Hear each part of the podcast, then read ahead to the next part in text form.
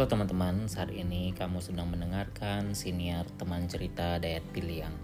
Di sini kamu bisa bercerita tentang apa pun yang bisa bikin resah dan gelisahmu berkurang. Aku ingin siniar ini bisa jadi ruang aman dan nyaman untuk kita semua menceritakan hal-hal yang mungkin nggak bisa kita bagikan ke orang-orang. Selamat mendengarkan. Oke, jadi ini aku lupa ini ini episode keberapa ya karena terakhir kalau nggak salah sih 12 ya dan itu udah lama banget kayaknya. Bulan Juli dan ini udah bulan Desember jauh banget. Menjelang akhir tahun nih udah menuju akhir. Sekalian juga ya mungkin ngucapin uh, apa ya selamat tahun baru ya. Mungkin besok bikin lagi sih. Jadi besok mungkin ngucapin lagi Oke, kali ini uh, podcastnya siniarnya bahasa Indonesia-nya siniar. Siniar teman cerita Deadpool yang tanpa skrip ya. Sebelum-sebelumnya dibuat skripnya supaya lebih terstruktur. Tapi kayaknya sekarang itu ngalir aja gitu ya. Kayak ya kayak nongkrong gitu. Kalau nongkrong kan kita ngalir aja nggak ada by setting, by script uh, harus runut gitu. Ini kan bukan ruang kuliah. Anjay ruang kuliah. Ya karena aku mahasiswa baru. Bagi yang belum tahu aku akhirnya kuliah lagi gitu. Uh, oke okay, jadi uh, begini. Kayaknya harus di stop dulu deh karena ada WhatsApp tiba-tiba. Tapi oke okay, kita lanjutin aja deh sebentar um, kali ini aku akan membacakan cerita dari yang sudah masuk di teman cerita diet piliang eh kok di teman diet piliang at gmail.com ini terbatas sebenarnya hanya untuk orang-orang yang ada di channel Instagram. Tapi kalau ada teman-teman yang dari channel Telegram juga mungkin ya aku udah jarang buka telegram sekarang. Kemarin dari mana ya?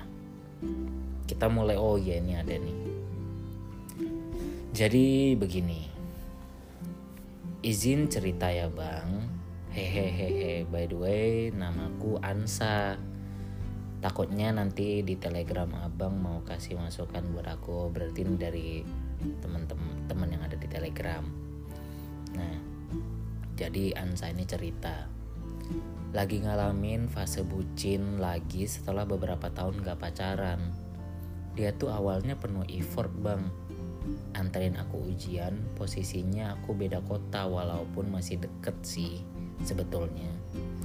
Pernah antar aku liburan juga sama temanku yang notabene-nya aku gak pernah mau ajak orang asing gabung sama temanku. Tapi aku ajak dia itu sebelum ada hubungan kita masih temenan setelah jadi ada hubungan dia. Eh setelah jadi ada hubungan dia baik banget. Bang care juga. Agak bingung nih soalnya peletakan titik dan komanya tidak pas gitu ya. Tapi dia friendly banget. Hehehe sampai akhirnya aku iseng coba tes dia pakai jasa tes kesetiaan pacar online. Nemu di APK TikTok.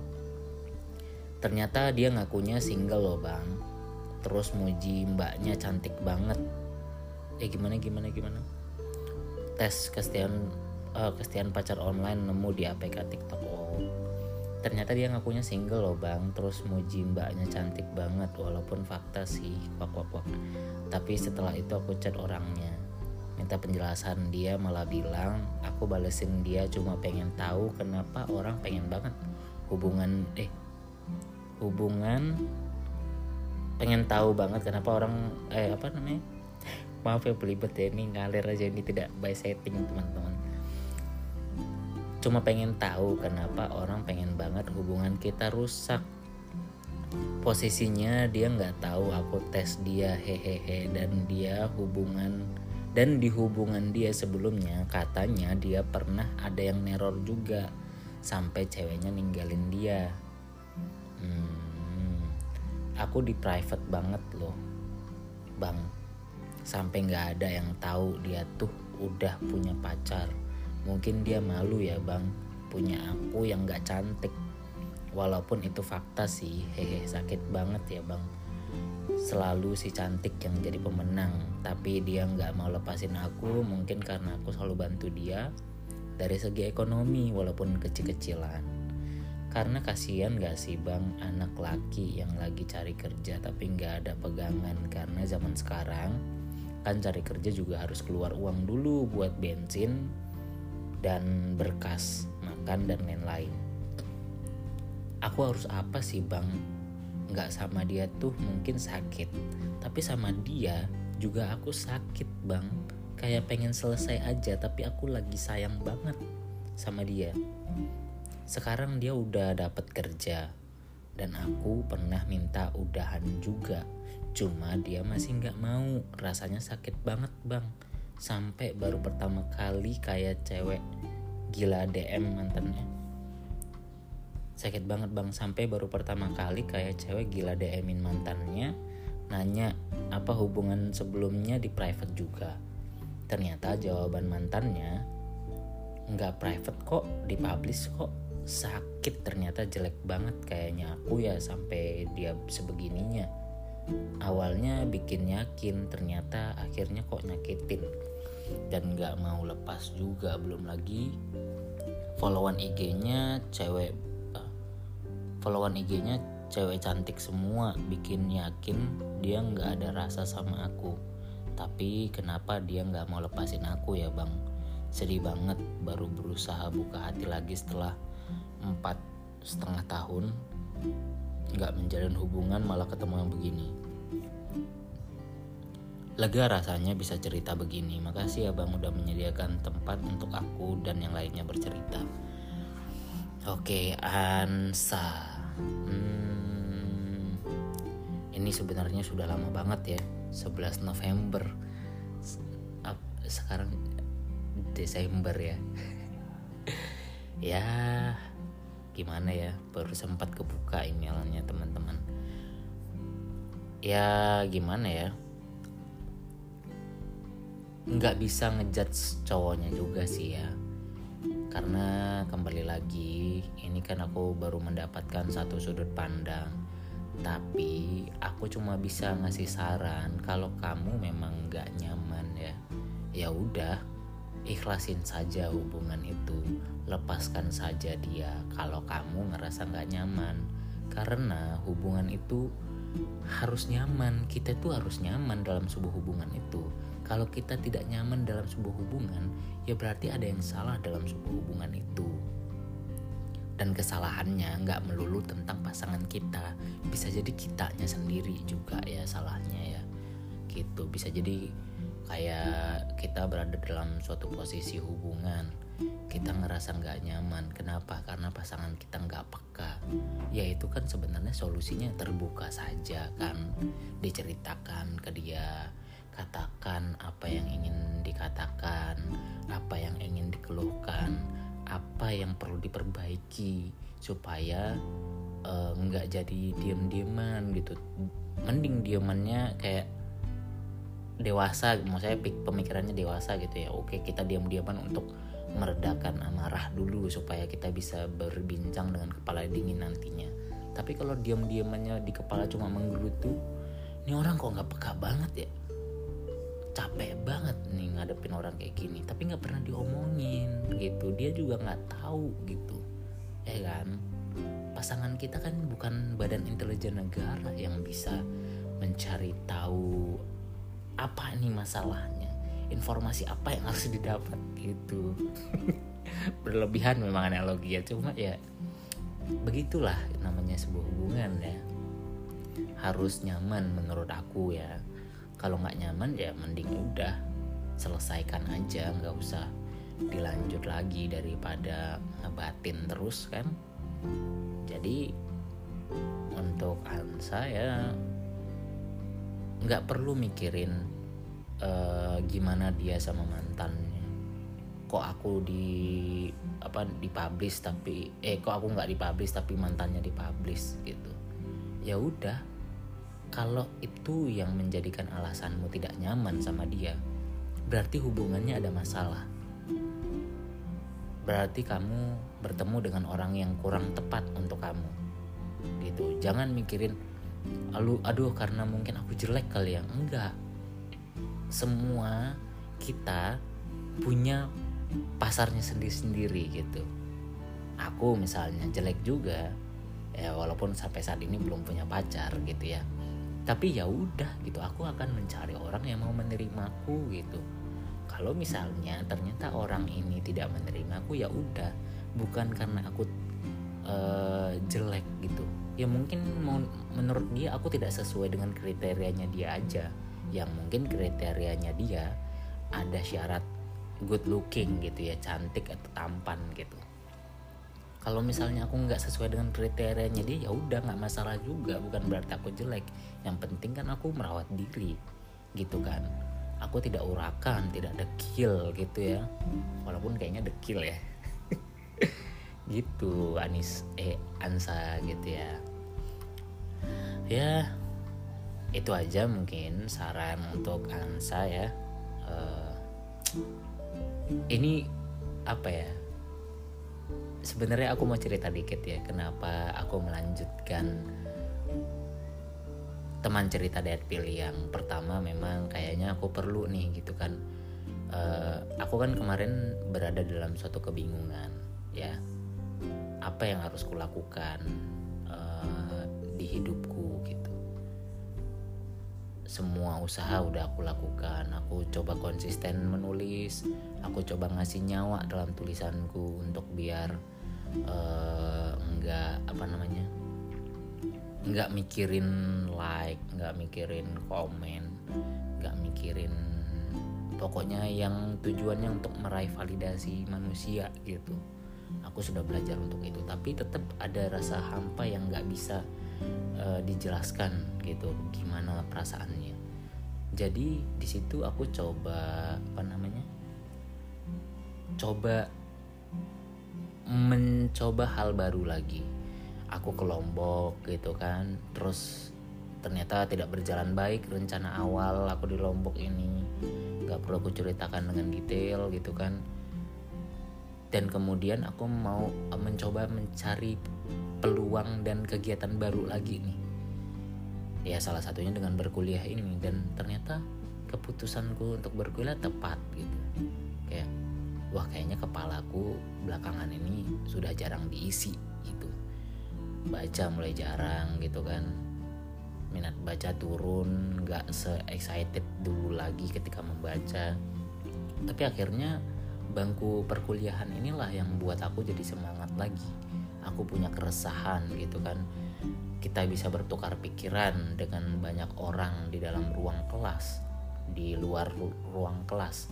Kerjaannya diskusi terus di dalam ruang kelas kita juga disuruh bikin uh, presentasi. Bahkan kami di semester awal sudah di ada satu salah satu dosen yang mem, menugaskan kami untuk bikin satu penelitian.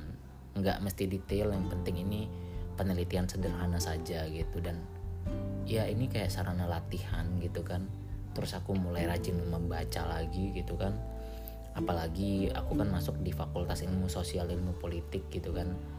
Terus apalagi ini momennya pemilu jadi aku punya banyak hal di dalam kepalaku untuk uh, dirangkai gitu. Nggak tentang politik gitu nah kenapa bikin ini lagi ya? Ini kenapa bicara latar belakang ya? Ya kenapa bikin ini lagi? Karena ya itu dia sebagai anak fakultas ilmu sosial ilmu politik jadi aku menyimak semua perpolitikan yang ada di pemilu kali ini gitu kan. Ini kan udah masuk periode kampanye. Tenang aku bukan mau kampanye di sini tapi aku kan lagi memperbandingkan antara satu dua tiga. Kan ada tiga pasangan calon uh, calon presiden dan calon wakil presiden gitu ya. Jadi salah satu capres yang unik ya cara kampanyenya itu ada dari 01 gitu ya. Dia bikin program berkeliling wilayah untuk membuka ruang diskusi dialog. Dan tanya jawab seperti itu kayak wah menarik sekali nih. Itu yang kurasakan juga di kuliah di perkuliahan. Ingat aku belum belum dan bukan uh, pendukungnya Anies Baswedan ya. Tapi aku mengapresiasi cara-cara seperti ini gitu. Seorang pemimpin dibuka isi kepalanya berdialog dengan masyarakat. Nah gara-gara melihat uh, salah satunya yang di Jakarta itu yang bersama total politik gitu ya jadi aku ngeliat wih menarik juga nih ya tanya jawab sama orang gitu kan. Dijawab diskusi dialog dan segala macamnya. Dan aku jadi teringat ini lagi podcast teman cerita pilih yang ini kan. Kan aku juga seperti itu teman-teman semua ngirimin email aku bacakan aku kasih reaksi. Tapi memang sebelumnya uh, aku buat skripnya lagi gitu kan aku tulis ulang supaya tertata tersusun dan rapi gitu tapi karena itu terlalu effort jadi kayak aku ngerasa kerjanya berat banget. Eh ya berat banget. Jadi sekarang mencoba sederhana aja gitu. Cerita aja apa yang pengen diceritakan bacain aja apa yang masuk gitu kan. Nggak perlu yang ribet-ribet banget dan mungkin ini editingnya juga nggak terlalu banyak gitu dan tidak ada video lagi di sini gitu. Aku pure bercerita menggunakan voice note aja gitu dan mendengarkan cerita lewat voice note aja gitu. Oke itu ini apa namanya intermezzo intermezzonya harusnya di awal ya. Oke tapi ini ada lagi cerita yang masuk. Ini 18 Desember ini baru ya ketika aku kabarkan di uh, channel Instagram. Jadi di sini ada dari nggak tahu nih apakah boleh disebutkan namanya atau tidak tapi kita bacakan dulu ya. Kangen mantan tapi udah dibuang kayak sampah. Udah ngemis-ngemis minta balikan sama aja dia udah nggak mau sama aku. Parah banget sih. Sekarang sebenarnya aku udah nemuin penggantinya. Tapi beda banget rasanya tuh. Cintanya kayak gimana gitu. Mana sekarang korban HTS hadeh sebenarnya cowok nggak mau nembak-nembak tuh kenapa ya?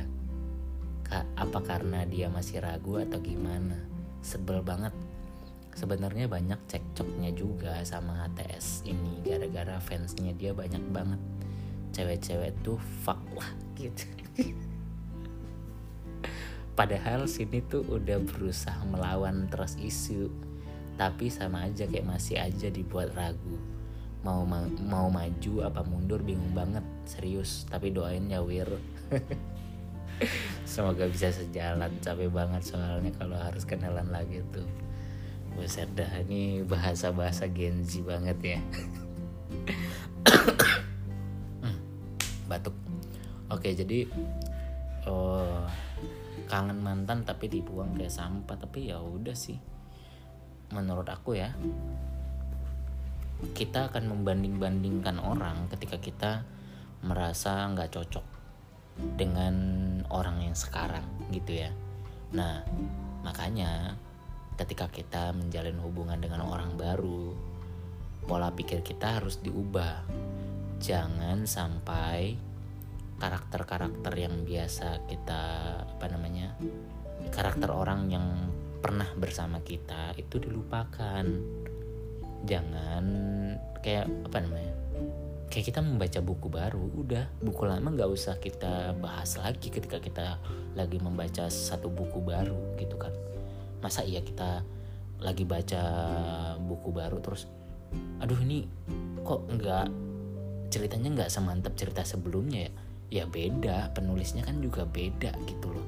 Cara penulisannya kan juga beda gitu kan dan apa namanya pola pikir penulisnya juga beda gitu. Nggak bisa kita samakan nggak bisa kita banding bandingkan jadi ketika kita membaca buku yang baru udah kita fokus pada buku yang itu aja.